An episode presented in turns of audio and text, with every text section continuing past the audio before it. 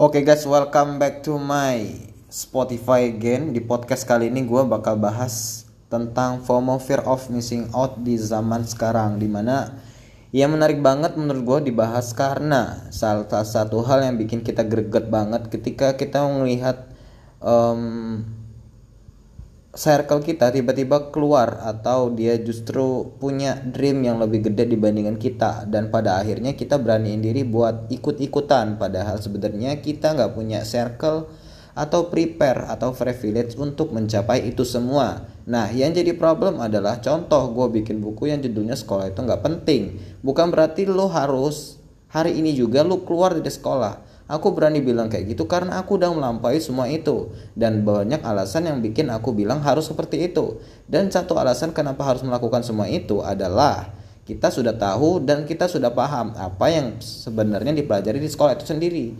Nah, pertanyaannya apakah kita sebagai seorang mahasiswa atau seorang pelajar harus melakukan semua itu semua?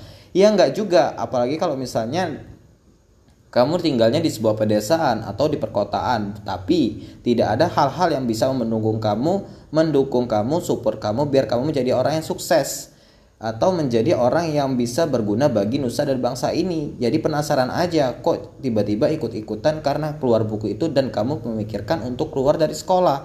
Itu hal yang paling aneh kecuali kamu emang udah punya prepare sebelumnya atau emang kamu dari keturunan keluarga bangsawan atau sebenarnya kamu dari keturunan keluarga yang privilege atau punya ilmu pengetahuan yang bisa diakses ke mana pun. Itu punya nyali guys. Nggak sembarangan kita keluar-keluar aja. So guys pikirin sekali lagi dan tanyakan lagi what do you want? Apa yang sebenarnya kamu inginkan? Apa goal kamu sendiri? Kalau misalnya kamu nggak tahu goal kamu ngapain?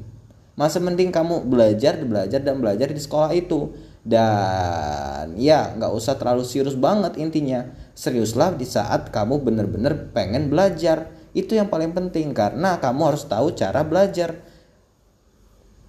Demikian podcast yang sangat singkat kali ini. Terima kasih. See you in the next part